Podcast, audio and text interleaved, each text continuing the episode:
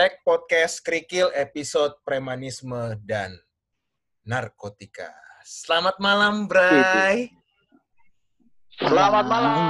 Malam. Kita perkenalan dulu nih. Gila rame banget nih kita nih Sabtu ini nih. Ada siapa aja nih? Ada Yo, yo, ada yang yo. baru nih. Mungkin kita dari ini dulu ya. Bang Egi Bow. Boleh perkenalan suaranya Bang Egi Bow? Oh, halo, halo. Egi, gue Egi, gue Egi, gue Egi. Oke. Namanya Bang Egi aja kita panggil ya. Ya. Sabi, sabi, sabi. Ada siapa lagi nih? Ada Bang, wah nih gue juga baru denger nih namanya nih ngeri juga nih. Bang Bats. Yoi, Bang Bats boleh perkenalan Bang? Halo, Suaranya. halo. Nih, Bat, anak buahnya Daniel. Asik. Oke, oke. Ada siapa lagi nih? Ada ada Bro Ariando juga ya? Ada Bro Ariando. Hadir, hadir gue, Ari. Ada bos kita bersama Bang Daniel. Perkenalan suaranya, Bang. Yoi. Oke. Mental. Aman? Gua serahin Ya. hostnya kalau dulu ya. See you ya. Kita Oke. diskusi kita ya. Yuk. Lanjut. Malam ini kita mulai sama kejadian-kejadian viral yang ter ya nggak berapa lama lalu lah kira-kira minggu lalu kita coba ada kejadian yang meresahkan di masyarakat itu kejadian yang sebenarnya udah berulang-ulang ya ibaratnya antara preman antara preman sama masyarakat preman sama preman preman sama pengusaha yang istilahnya setiap ada kejadian ribut-ribut ada korban dan yang lebih parah sih sebenarnya ada ketakutan di masyarakat gitu. Ya terima kasih buat anggota-anggota aparat keamanan yang berhasil untuk meredam daripada kejadian-kejadian ini dan sekarang udah dibawa ke jalur hukum. Ya eh, kira-kira kita mulai dari mana sih? Kenapa sih preman-preman ini selalu tumbuh subur gitu? Apa nggak mau bertobat, cari pekerjaan yang halal, atau karena memang tuntutan dari dunia ini sekarang makin lama makin berat gitu, dan mereka nggak punya fighting spirit untuk cari dari ekonomi yang halal. Gimana coba kawan kita Om Bats dulu lah. Gimana perspektif dari Om Oke, Bats yang lo. istilahnya Kalau menurut pribadi, istilahnya sebelumnya lu bro eh, mengenal dekat kan adalah kenalan lu yang bergerak atau terindikasi dalam dunia-dunia gelap gitu ya ada lah. Jadi eh, kebetulan ya emang dari dulu kebetulan emang ada bukan bersinggungan lah emang emang lumayan dekat lah hubungannya. Cuman gini, kalau boleh nyambung tadi pertanyaannya, bukan pertanyaan dia, pertanyaan Daniel lah yang bilang kalau kenapa eh, premanisme ini bisa dibilang sebagai sebuah industri gitu kan ya. hmm Yes. Jadi adalah itu dari debt collector lah atau misalnya uh, private bodyguard atau dan lain-lain lah. Ini Hmm. sebenarnya kalau menurut gue pribadi, ini gini loh, gue bukan menyalah, bukan nyalah nyalain instansi-instansi yang ma- masalah penegakan hukum, cuman kan ada beberapa bisnis yang mungkin nggak bisa diselesaikan dengan kepolisian atau apa gitu. Nah, oke uh, di satu sisi uh, preman ini dibutuhkan oleh para pengusaha untuk Oke. misalnya nagih utang atau misalnya uh, menyingkirkan saingan bisnis gitu gitu selama emang masih ada demand-nya ya pasti gini loh demand ini kan tercipta dari uh, bukan ketidakmampuan ya cuman keterbatasan gerak ruang gerak uh, instansi yang legitimate Ada. dalam arti di sini polisi atau apa pun itulah oke Nah, Oke. itu kan dia ruang geraknya bisa dibilang terbatas gitu kalau menurut gue ya. Dia nggak bisa masuk ke ruangan yang atau ke lingkup yang setengah kotor atau kotor gitu. Jadi ya emang ini emang emang space yang ada gitu bisa dimainkan Berarti- oleh mereka-mereka ini gitu. berarti karena ada kebutuhan ya ada demand ya bro Pasti ya pasti ada kebutuhan lah kalau nggak ada kebutuhan Nah, kan dia nggak mungkin tapi kan mungkin yang jalan. jadi masalah adalah pada saat mereka menjalankan suatu fungsi yang istilahnya nggak ada lembaga either itu Betul. private atau government yang bisa ngejalanin gitu ya misalnya Betul. nagih utang jadi susah gitu atau nagih Hmm. utang berbelit-belit gitu kan tapi kan Ya. yang jadi masalah pada saat mereka menjalankan fungsi itu itu kan muncul eh, keresahan gitu ya kan Ah, bukan terhadap subjek yang menjadi eh, istilahnya targetnya doang, tapi bisa Oh. jadi kan orang di sekitar atau tata cara mereka melakukan fungsi yang tadi itu gitu, either debt collecting atau menjaga keamanan. Even misalnya ada tanah gitu nih sengketa terus dijaga gitu, tapi kan dengan mereka jaga di situ kan orang-orang daerah sekitar situ juga jadi resah gitu ya kan. Gimana pendapat lo kalau kayak gitu? Waduh, kalau masalah itu ya, kalau orang sekeliling jadi resah ya nggak paham juga. Cuman emang emang itu dari dulu untuk jaga lahan segala macam ya emang itu udah udah eh, tugas bukan tugas lah. Banyak core bisnisnya memang buat jaga lahan.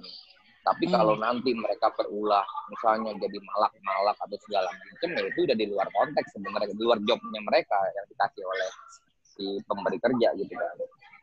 Hmm. Gitu. Dan waktu mereka menjalankan fungsi debt collecting, jaga lahan, atau misalnya private bodyguard gitu kan, Eh, nggak nggak jarang justru terjadi keributan gitu ya kan.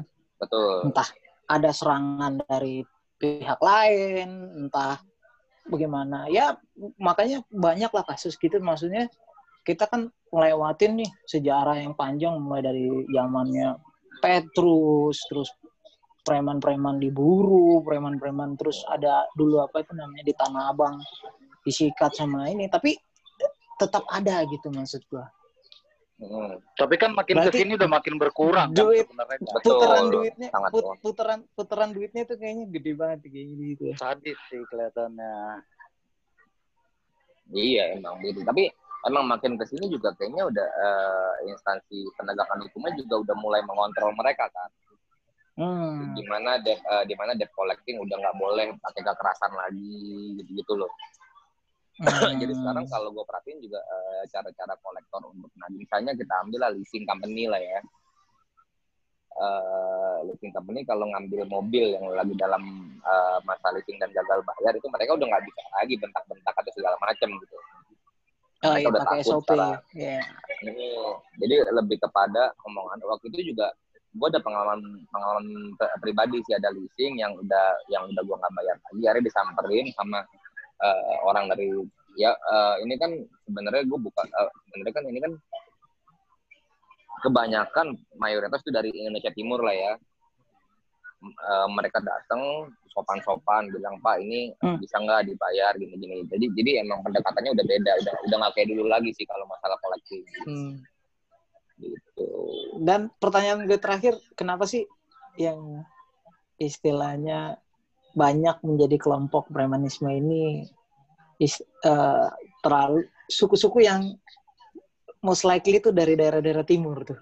Apa sih? Apa sih kenapa suku yang lain-lain nggak ada memang, tapi nggak nggak serame yang suku-suku dari Indonesia Timur. Ada Lebih nyali, lebih nyali bang ya. Bukan juga sih kalau masalah nyali semua daerah sama orang Jawa juga nyalinya kencang tuh bang. Cuman gini, Asik. Cuman pertanyaan lu tuh sama aja kayak ngomong kenapa lawyer kebanyakan orang Batak Nah, gitu kan? Benar, benar. Benar. Iya sih. Kenapa juga ya Tapi orang kan Batak orang sama Batak tambal juga ban, sama tukang tambal tambal ban. Iya benar. Itu kan tinggal mas ya gua nggak tahu deh kenapa ya mungkin ya mereka dianggap lebih bernyali gitu kan lebih galak mungkin gitu Hmm. gitu lah Oke, coba kita mungkin eh, beralih ke kawan kita nih ya. Ah, Dia mungkin anggota daripada institusi negara gitu ya yang secara hal tiap hari kalau bisa kita memang harusnya terima kasih dulu for their service ya kan keeping us safe. Jadi gimana nih kalau pandangan dari Bung Egi? Yoi, pertama-tama gue pengen mengapresiasi dulu nih ya atas apresiasi Bung Daniel nih ya kan atas kerja teman-teman di lapangan ya kan. Iya. Jadi gimana nih? Pertanyaannya apa dulu nih? Kira-kira gimana sih maksudnya memang kan institusi government ini sekarang semua melakukan tindakan-tindakan teratur gitu untuk Hmm? meregulasi, untuk jagain ketertiban gitu. Tapi kan somehow mereka tetap bisa eh, ber- beroperasi gitu. preman-preman ini tetap ber, beroperasi memang walaupun secara ini sekarang kita lihat memang udah berkurang jauh ya dibandingin dulu gitu. Nah, tapi gimana Mungkin- kira-kira pandangannya kenapa premanisme ini susah banget sih untuk diberantas habis gitu?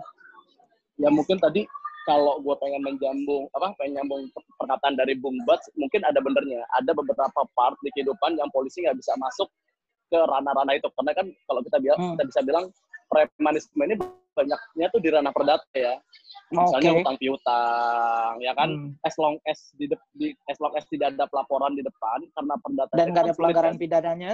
Iya, tidak ada pelanggaran pidananya ya jadi kebanyakan polisi akhirnya menunggu ya kan Hmm, hmm. karena eh, karena polisi pada pada prinsipnya kan kalau ini tidak ada unsur tindak pidananya apalagi di perdata artinya kan bukan ranah dan kewajiban polisi untuk menindak ya kan Hmm. makanya ketika teman-teman dari debt collector sudah melakukan tindakan di lapangan makanya polisi selalu mewanti-wanti as long as kalian hu- lebih humanis polisi biasanya nggak akan banyak ikut campur ya kan Hmm. apalagi semenjak adanya undang-undang fidusia terkait dengan apa perjanjian kerjasama antar orang ya kan terkait misalnya tadi kalau Hmm. batu bilang mention terkait dengan uh, leasing kan itu erat kaitannya dengan undang-undang fidusia kan di bawah di mana dalam Ya, ya. penarikan sebuah aset dalam undang-undang fidusia misalnya tidak bisa lagi menggunakan pihak ketiga ya kan? Oke, ya, oke. artinya di sini pihak ketiga ketiga maksudnya di sini ada debt collector. Lalu uh, misalnya dalam penarikan penarikan aja nih penarikan unit misalkan aja nih ya nggak bisa serta merta pihak leasing mengambil unit tersebut dengan begitu aja. Misalnya harus ada penetapan pengadilan di depan. Artinya Siap. step-step hukum di depan eh, artinya step-step hukum di depan harus berjalan nih. Dan yang mengeksekusi juga bukan debt collector lagi-lagi bukan debt collector yang selama ini berpuluh-puluh tahun mungkin ya mungkin ya kita ngomong ada beberapa dekade pihak leasing, Hmm. pihak leasing lebih suka menggunakan pihak ketiga karena dalam tanda kutip orang cenderung lebih takut ya, ya kan? Lebih takut didatengin, ditagihin utang, ya kan? Ada pihak ketiga bolak balik depan rumah, orang udah ngerasa insecure, akhirnya barang dibalikin, ya kan? Kayak gitu-gitu. Hmm, hmm, Nah, kayak hmm. gitu-gitu sih. Jadi kalau Oh, jadi kalau gue bilang kenapa kenapa still preman still exist sekarang itu tadi gue bilang karena preman ini kebanyakan mainnya di ranah perdata. Oke oke, perdata tuh Nah. maksudnya kan sipil sama sipil, sipil sama bisnis Sipil. gitu ya. Ya. Jadi nggak ada melawan kebanyakan- melawan hukum negara kriminalis Nah, gitu ya. akhirnya kemenangan utang piutang ya udah jadi polisi ya wis karena ini urusan B2B jadi ya wis lah jadi polisi as long as di situ nggak ada kekerasan di situ nggak ada ancaman di situ tidak ada Hmm. pengerusakan tidak ada penganiayaan apalagi kayak kemarin sempat datang ke rumah pengkos seperti ada pembunuhan nah karena udah masuk ranah pidana jadi rame nih padahal kalau kemarin itu Oke. mungkin mereka bisa mereka selesaikan itu di depan secara kekeluargaan mungkin ya polisi nggak akan masuk di situ karena memang bukan memang bukan ranahnya kalau menurut gue sih pribadi gitu ya Oke oke oke. Gimana sis? Ya, Ada tambahan nggak? Gue ini menarik banget sih diskusi kita malam ini ya, karena ini kan sebenarnya kan eh, leasing itu ya baik kalau yang gue tahu ya. Berarti kan lu kan sebenarnya udah punya kemampuan dong untuk lunasi hutang itu sebenarnya kan. Harusnya nih. Yap. Karena kita harusnya ngeliat dari dua sisi kan.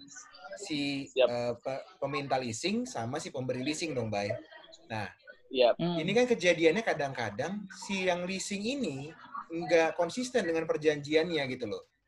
Sehingga tadi ada teman-teman kita yang menagih hutang dan akhirnya jadinya ke mana-mana kan. Karena ini kan sebenarnya kan kalau dia sesuai dengan perjanjian aja, sebenarnya nggak ada pekerjaan preman sama polisi akhirnya kalau dia sesuai. Eh, sepakat sepa- eh, sepakat tuh gue Nah, jadi kan ini kan sebenarnya kadang-kadang kalau gue lihat juga di lapangan atau di jalanan juga, mereka sebenarnya nggak mau nyari ribut kok, Bay. Mereka maunya kerjanya santai-santai aja kok. Hmm. Ya kerjanya kayak kita lah, maksudnya pingin Hmm. kerjanya yang normal-normal aja lah. Siapa sih yang pingin kerja mukulin anak orang kagak ada, Bay. Yeah, I know, I know, I know. Maksudnya kalau in terms of everybody try to make a living, oke Yes. gitu. Tapi kan, ya kita juga lihat gitu banyak kali terjadi keresahan di masyarakat gitu ya kan, Pak. Hmm. Mungkin.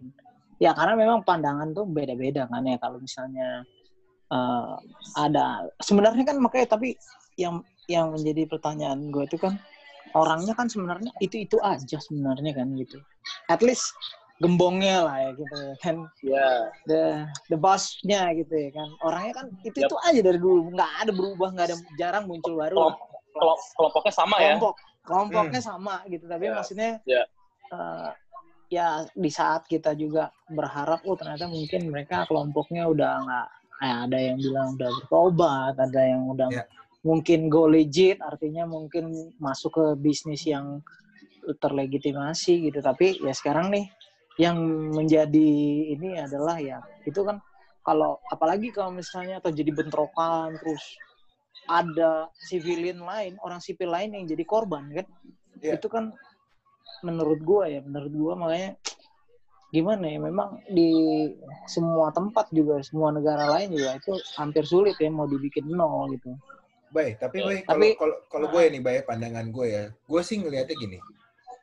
Eh, lo mau ngomongin tentang premanisme ke atau polisi ke atau apa pun itu ya. Lo percaya nggak sih semuanya itu gara-gara kesenjangan ekonomi, Bay? Ya Karena kesenjangan juga kan. ekonomi. But sekarang tadi, kan ah. mestinya gini. Ya, mulainya dari kesenjangan ekonomi, Betul, yes, benar. iya kan? Tapi sekarang kan kelompok-kelompok itu kan juga udah hidup quote unquote punya duit juga gitu ya kan. Iya, cuma Bener kan nggak? Mungkin yang- mulainya oke, mungkin Betul. mulainya oke. Gitu dari dari apa namanya kebutuhan. Terus yang kayak tadi si Bung Bat bilang gitu maksudnya ya ada fungsi-fungsi yang justru mereka bisa jalankan ya berarti kan ya sudah berarti supply and demand oke. Berarti betul, ada transaksi kan di situ. Nah, tapi betul. ke sininya kan itu kan jadi organized kan. Eh, jadi organized. Nah, ini yang ya di mana-mana juga kalau misalnya itu kan walaupun awalnya nggak terindikasi kriminal kayak tadi Bung Egi bilang, tapi lama-lama kan organized itu kalau ini ya lama-lama mereka organized crime kan. Gini, Bay. Kalau kalau gue nih ya statement gue mungkin nanti diskusi sama Bang Egi sama Bang Bats deh. Menurut gue hitam itu nggak mungkin hilang, Bay. Menurut gue juga mau lo ngomongin premanisme yang besar, yang kecil itu nggak mungkin hilang dari muka bumi ini. Karena semuanya ini balancing, Bay. Menurut gue balancing ya. Karena ketika satu grup besar tumbang, pasti ada grup baru lagi tuh yang akan timbul. Karena di Nah, lagi dunia nonton Pablo Escobar loh. kagak. Enggak, lo percaya deh sama gue. Lo kalau ngeruntutin ya film ekonomi atau film mafia dari tahun 80-an atau 70-an sampai tahun 2020-an, semuanya tuh berputar, baik. Semua kekuasaan itu berputar. Gak pernah putih menang total, gak pernah hitam menang total. Nah, tapi gue nggak tahu. Gue kan cuma yang tadi lo bilang lah, baca buku, nonton TV ya kan. Gue mau coba denger deh dari Bang Egi atau Bang Bats. Di lapangan tuh bener gak sih Bang? Hitam itu nggak mungkin hilang, putih itu juga nggak mungkin menang total. Gimana menurut Abang Egi dulu lah atau Bang Bats dulu lah, terserah. Ya oke kalau ngomongin hitam itu selalu ada namanya kita manusia ya pasti ada pasti aja pasti aja begitu ya. Sepakat. mana ada, ada yang putih, nah, di mana ada yang putih, di mana ada yang hitam. Ya kan kalau ngomongin itu ya susah ini kita ngomongin masalah tatanan masyarakat ya. Artinya ya mesti ada data yang karena kalaupun kita bicara dari biasanya atau dari tahun ke tahun memang iya benar ya kan. Tapi ya emang begitu ya karena ya lagi gue gimana ya gue rada bingung nih kalau ngomongin yang hitam selalu ada tipe karena memang kayaknya sampai akhir zaman ya kan begitu terus ya akan ada yang putih akan ada yang hitam ya kan? Benar, sih gitu aja benar, sih benar, benar, Iya. benar. ya kan Hmm. Kalau Bang Bats gimana gitu nih? sih, kalau menurut gue sih ya masalah hitam putih emang bener emang selalu ada. Cuman gini loh kayak ma- masalah tadi yang kita cerita eh, dari awal bahwa kenapa premanisme ini sempat tumbuh subur lah belakangan ini. Nah, sekarang gini aja kita hitung hitungan gampangnya deh. Si A punya eh, piutang sama si B. Anggaplah ah, angkanya misalnya satu miliar gitu. Yang mana kalau kita nagih secara normal itu akan lama take time segala macam. Cuman dengan adanya jasa quote unquote jasa lah ya dari debt collector ini mereka bisa dapat 30 persen. Lo sekarang eh, siapa yang nggak mau sih? Intinya gini loh lo di di di, di didatangin nih sama orang sangar di rumah lo ya pasti lo akan begitu pakai acara dobrak dobrak segala macam gimana kita nggak maksain diri untuk bayar gitu kan. Itu kan lebih Mhm. sebetulnya lebih efisien dan efektif daripada kita pakai institusi institusi eh, yang yang legitimate gitu yang mana mereka nggak bisa Hmm. ngedobrak gitu Jadi lebih baik nyari utangan lagi buat bayar dulu yang ini ya. iya aman nanti kan yang yang utang sana tinggal dimundurin lagi Benar, benar, benar. Ah. Gali lubang tutup lubang Nanti ini bener ya. ditagi, ditagi lagi Iya. dari dari pihak iya tapi kan ditagihnya lagi masih mungkin nanti yang Ah. penting sekarang beres dulu gitu Bang Bats itu pernah gak sih kejadian kalau yang gali lubang tutup lubang itu lo misalnya dari instansi Oh, banyak, A banyak. nih, lo di, di hire kan, Ah. misalnya kita di hire nih, lo tagih deh ke Daniel misalnya gitu. Terus Daniel minjem lagi nih ke instansi C. Eh sama juga instansi Ah. C minta ke lo. Pernah gak sih ketemu satu orang yang sama gitu? Oh pasti ada itu. Pasti ya.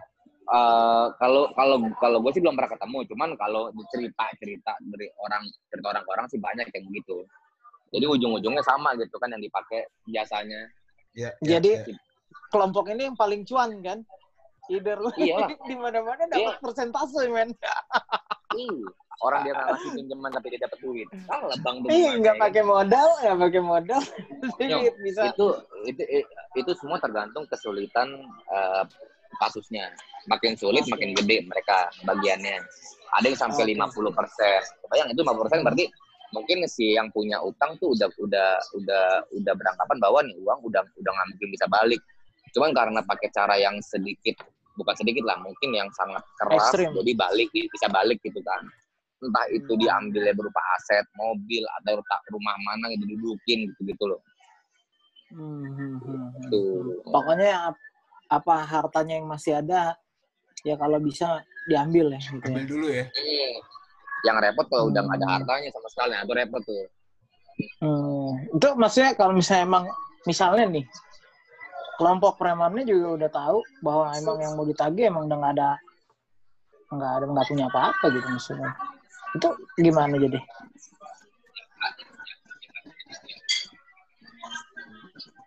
Disuruh ngutang dong biasanya dong. Hah? Nggak ada. Iya. campur ambil utang lagi Iya ambil utang lagi. Ya, ya itu tinggal yang punya yang punya utang aja dia mau mau ngutang Hmm. lagi atau mau pasang badan gitu kan. Bunuh-bunuh aja dah kata pinter gitu. eh iya ba- ya berapa berapa ba- banyak juga kan sebenarnya jadi Iya. mati gitu Iya. ya be be, that as may oke lah gua rasa sih ya yang penting jangan terlalu ini meresahkan masyarakat sih tapi memang gimana ya selalu ada selama ada kebutuhan pasti orang juga se- Pakai gini juga. juga sih. Orang yang punya utang juga kadang-kadang masalahnya tuh kabur-kaburan dah. Nih, hmm, kalau mereka nggak kabur-kabur yang penting komunikasi dijaga. Iya nih gue belum bisa bayar karena gini gini gini gue yakin juga yang punya piutang juga mungkin oh ya udah kasih kelonggaran kasih kelonggaran Iya. gitu kan. Semua kan sebenarnya bisa diomongin gitu mas utang oh piutang ini ngilang jadi banyak kan ngilang. Ada yang ngilang ada yang apalah yang yang ngomongin nyolot juga. Sekarang kan yang lebih galak orang yang punya utang daripada yang punya piutang kelompok-kelompok itu gimana sih cara tracking orang yang hilang gitu? Misalnya orang hilang kan dia udah misalnya cabut gitu tinggal di mana terus nomor teleponnya Jadi, ganti. mereka trackingnya gimana ya? biasanya operasional mereka itu kan tetap lah itu, itu skemanya ada macam-macam. Misalnya yang tadinya fee mereka 30% bulat itu kalau misalnya goal. Tapi ada juga yang misalnya cuma minta 15% tapi dia minta operasional. Hmm. dan operasional buat ngutilin rumahnya selama seminggu dua minggu buat nanya-nanya tetangganya gitu gitulah Berarti gaya intelijen sama aja kayak intelijen negara ya? Oh, Wajar iya, kan itu bukan legend ya kan orang kekerasan begitu apa lagi ya kan. Tapi nggak pakai tukang bakso, Bay. Ini nggak pakai tukang Kan bakso. dikuntit, Ini ya nggak kan ada tukang bakso. interview Iya. tetangga, interview saudara. Iya. Nah, gila nyong itu mu- muka serem tinggi-tinggi segede-gede gaban gitu ya orang takut. Cuman Bang Bats, gua, Oh. gua, gua tertarik nih Oh, ada iya. satu kasus kemarin yang lo kalau bisa denger Ini yang peminjaman uang secara online, Bang. Kan kalau lo tadi kan uangnya secara fisik nih, mungkin nih secara leasing, dia nyicil mobil atau nyicil motor. Itu kan kalau yang online bukannya lebih ngeri ya, Bang ya? Dia ne, apa? Dia nelponin WhatsApp gitu kan? Atau gimana sih, Bang? Kalau yang online itu Abang pernah punya dengar pengalaman nggak, Bang? Yang minjem uang secara online itu, Bang, terus nggak bayar? maksudnya yang yang via via perusahaan kayak P2P HC gitu. gitu loh, fintech, fintech, fintech gitu, Bang. Ah, fintech, benar. Ah, wah nggak paham deh kalau itu deh gue deh. Wah, lo mainnya partai Kalau yang ini ya? kalau fintech kalau kalau fintech sih setahu gue nih sorry gue nambahin. Boleh, boleh, boleh, Bang Igi. Iya, iya. kalau fintech nih setahu gue nih mereka biasanya di depan minta eh, beberapa nomor telepon kayak teman dekat tiga orang, keluarga Oh, tiga orang, lalu oke. siapa tiga orang. Terus kadang-kadang mereka gue nggak gimana ceritanya, gitu mereka tuh minta nomor telepon selain minta nomor telepon orang-orang terdekat, mereka tuh kayak bisa narik data nomor telepon dari yang minjem gitu loh.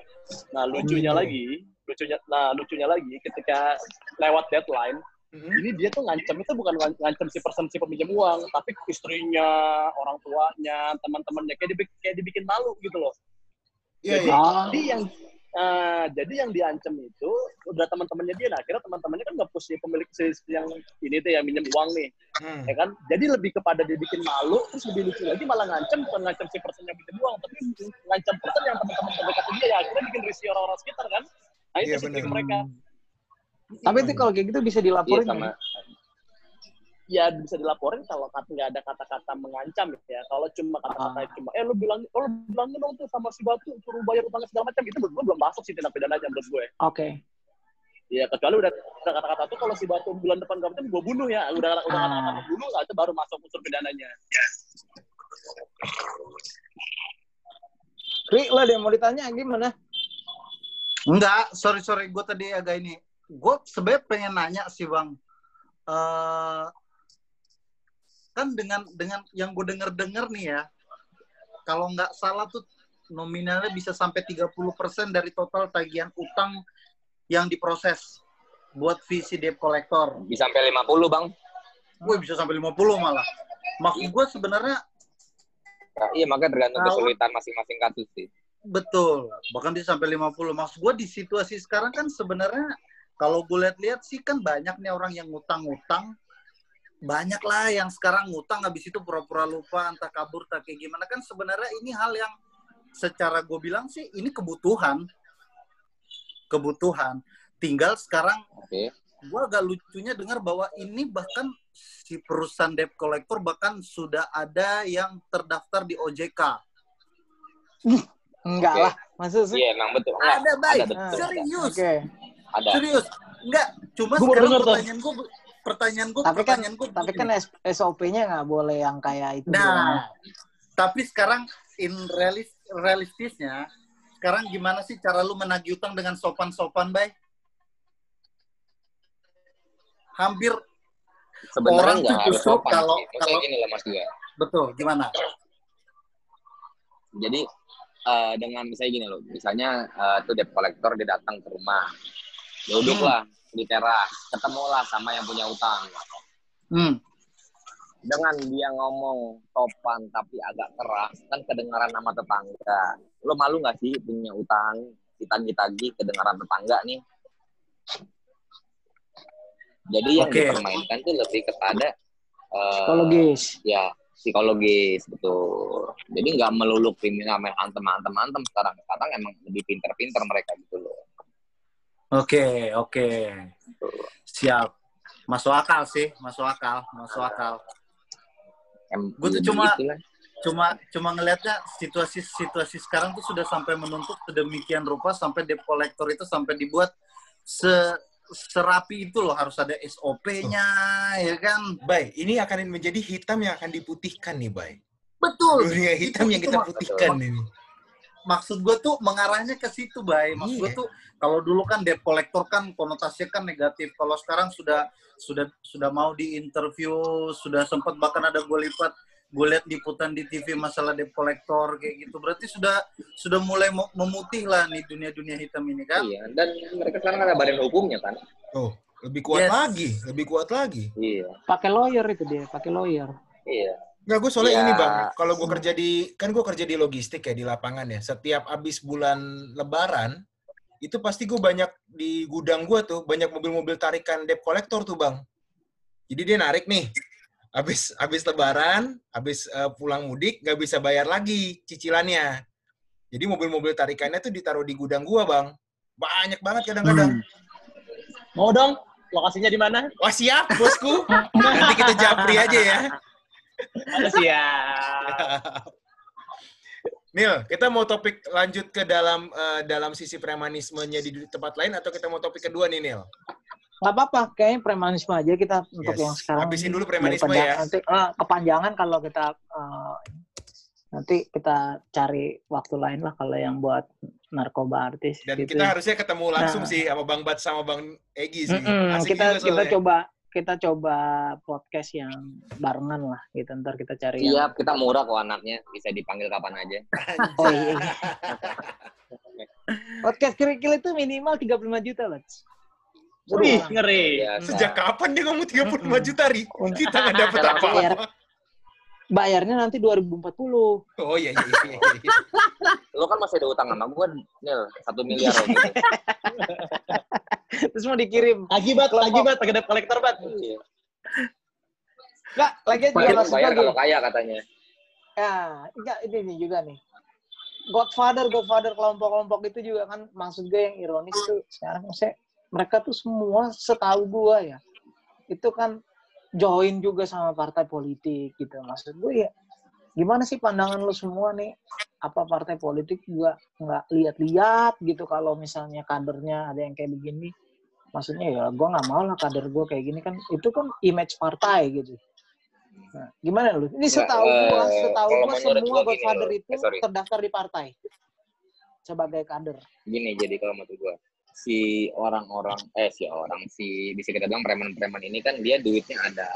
Dan dia tuh selalu mengalokasikan beberapa pendapatannya tuh untuk kampungnya.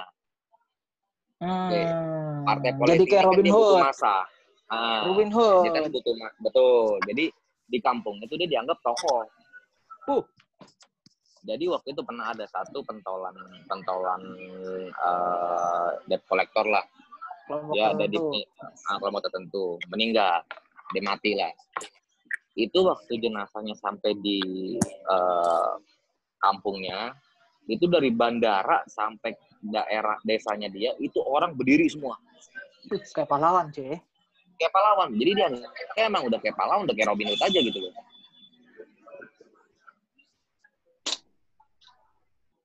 Itu bro. Oke, tapi maksud gue gini loh, kita masyarakat in general gitu kan. Karena ada kan yang maksudnya ada yang nggak peduli gitu maksudnya ya udahlah ya selama nggak bukan gue yang diganggu gue nggak ada masalah gitu tapi kan ada juga yang wow kita nggak bisa kita harus dek- du- pressure nih pemerintah untuk eh, bikin istilahnya grup-grup ini semakin lama semakin tersudut gitu Nah, tapi kira-kira keman gimana yang yang yang ininya? Kalau kalau gue sih tuh fair kalau gue juga bilang ya ya kita bisa mungkin hindari lah ya maksudnya kontrak apa namanya interaksi dengan kelompok-kelompok ini ya cuma kayaknya agak sulit sih karena eh, at certain point lu pasti akan ada ada beririsan dengan kelompok-kelompok ini dan istilahnya menghadapinya juga mesti very wisely gitu kan. Tapi gue sepakat tuh, Bang. Gimana? Dats. Hmm. Gue sepakat tuh dengan zero premanisme tuh gue sepakat banget tuh untuk gue ya kan. Hmm. Iya, karena implikasinya di lapangan buruk banget ya kan. Karena eh, kebanyakan itu tadi walaupun belakangan ini trennya mereka jadi lebih soft dalam apa pelaksanaan di lapangan, tapi tetap Hmm. sih, ya kan eh, kadang-kadang gue nggak bisa pungkirin ya, gue juga nggak paham. Mungkin kalau karena kita nggak punya data yang valid terkait dengan apa sumber daya manusia seperti apa sih sebenarnya, tapi kebanyakan mereka nih kalau menurut gue nih sumbu pendek. Wih, musiknya kenceng banget tuh, ya kan? Kebanyakan dari mereka nih sumbu pendek karena menurut gue karena karena ini lagi utang konsepnya. Terus kadang-kadang lagi-lagi tadi gue sepakat sama yang kata si Batu bilang, karena kebanyakan yang ditagih nih orangnya ngeyel, terus jalan dia. Nah, Betul. sedangkan teman nah, sedangkan teman-teman yang molek ini adalah orang-orang yang pada prinsipnya tadi tadi depend on kalau gue sukses gue baru dibayar. Artinya Hmm. goalnya adalah ketik artinya gue harus dapat. Artinya ini orang harus dibayar. Arti, ini, ini gue harus Hmm. ambil entah berupa aset atau dia menyanggupi apa yang menjadi eh, utangnya dia nih. Nah, karena ini masalahnya lagi-lagi masalah utang dan dia baru dapat fee setelah setelah dia sukses atau misalkan dia event dia di DP tapi dia akan dibayar full setelah dia sukses menagih. Nah, lu Mm-mm. udah mulai kenceng nih karena tadi gue bilang mungkin teman-teman kita di lapangan mungkin karena kondisinya panas, udah seminggu, dua minggu nongkrongin rumah orangnya nggak ada, sekalinya ada jadi panas. Nah, ketika panas udah mulai nih terjadi pengerusakan, udah mulai, akhirnya kan mulai terjadi keresahan di masyarakat nih. Ya kan, kalau gue sih lebih nggak setuju sih. Lagi gue bilang tadi gue bilang, berarti gue sepakat banget sama Batu, Bang. Mungkin kalau orang punya hutang, mungkin kalau komunikasi baik, mungkin premanisme nggak ada menurut gue. Hmm. Tapi enggak, maksud gua ada memang temen gua, gua pernah eh, diskusi gitu ya. Dia bilang, soalnya gini loh, seenggak sukanya gua dengan eh, kelompok-kelompok preman ini, tapi permasalahannya adalah, ya walaupun ini kan perdata nih, maksudnya utang piutang antara banget. orang, ya kan? Tapi Iya. sering kali sebenarnya orang yang gunain jasa ini sebenarnya orang yang terjolimi posisinya Hmm. gitu loh. Iya, betul. dia misalnya ah, ah, misalnya gue piutang gue kok nggak dibayar nih sama orang kadang yang Iya. berhutang tuh jadi lebih songong, jadi lebih in, ibaratnya ya lo kalau gue nggak bayar lo mau ngapain gitu. Jadi maksudnya they serve a purpose gitu ya kan fungsi yang tadi gitu. Tapi maksud gue jadi kan yang terzolimi menggunakan function daripada kelompok-kelompok tertentu ini malah jadi salah total gitu. Nggak, jadi apa sih yang sebenarnya kira-kira solusinya untuk yang kayak begitu ya kan? Kalau enggak kan kita ya kita akan akan selalu aja berputar-putar di sini-sini terus gitu. Dan sebenarnya kan pasti dilihat gini kalau misalnya kelompok itu semakin lama semakin sedikit mereka tuh kan istilahnya pasti duitnya makin lama makin sedikit kan? Itu yang paling penting menurut gua. Karena selama duitnya masih banyak apa pun risikonya orangnya pasti kelompok-kelompok itu tetap nggak akan ya mau gimana caranya gue mau operate under radar, underground, mau sembunyi-sembunyi, pasti gue jalanin gitu kan. Itu ya, tapi gimana sih kira-kira? Hmm.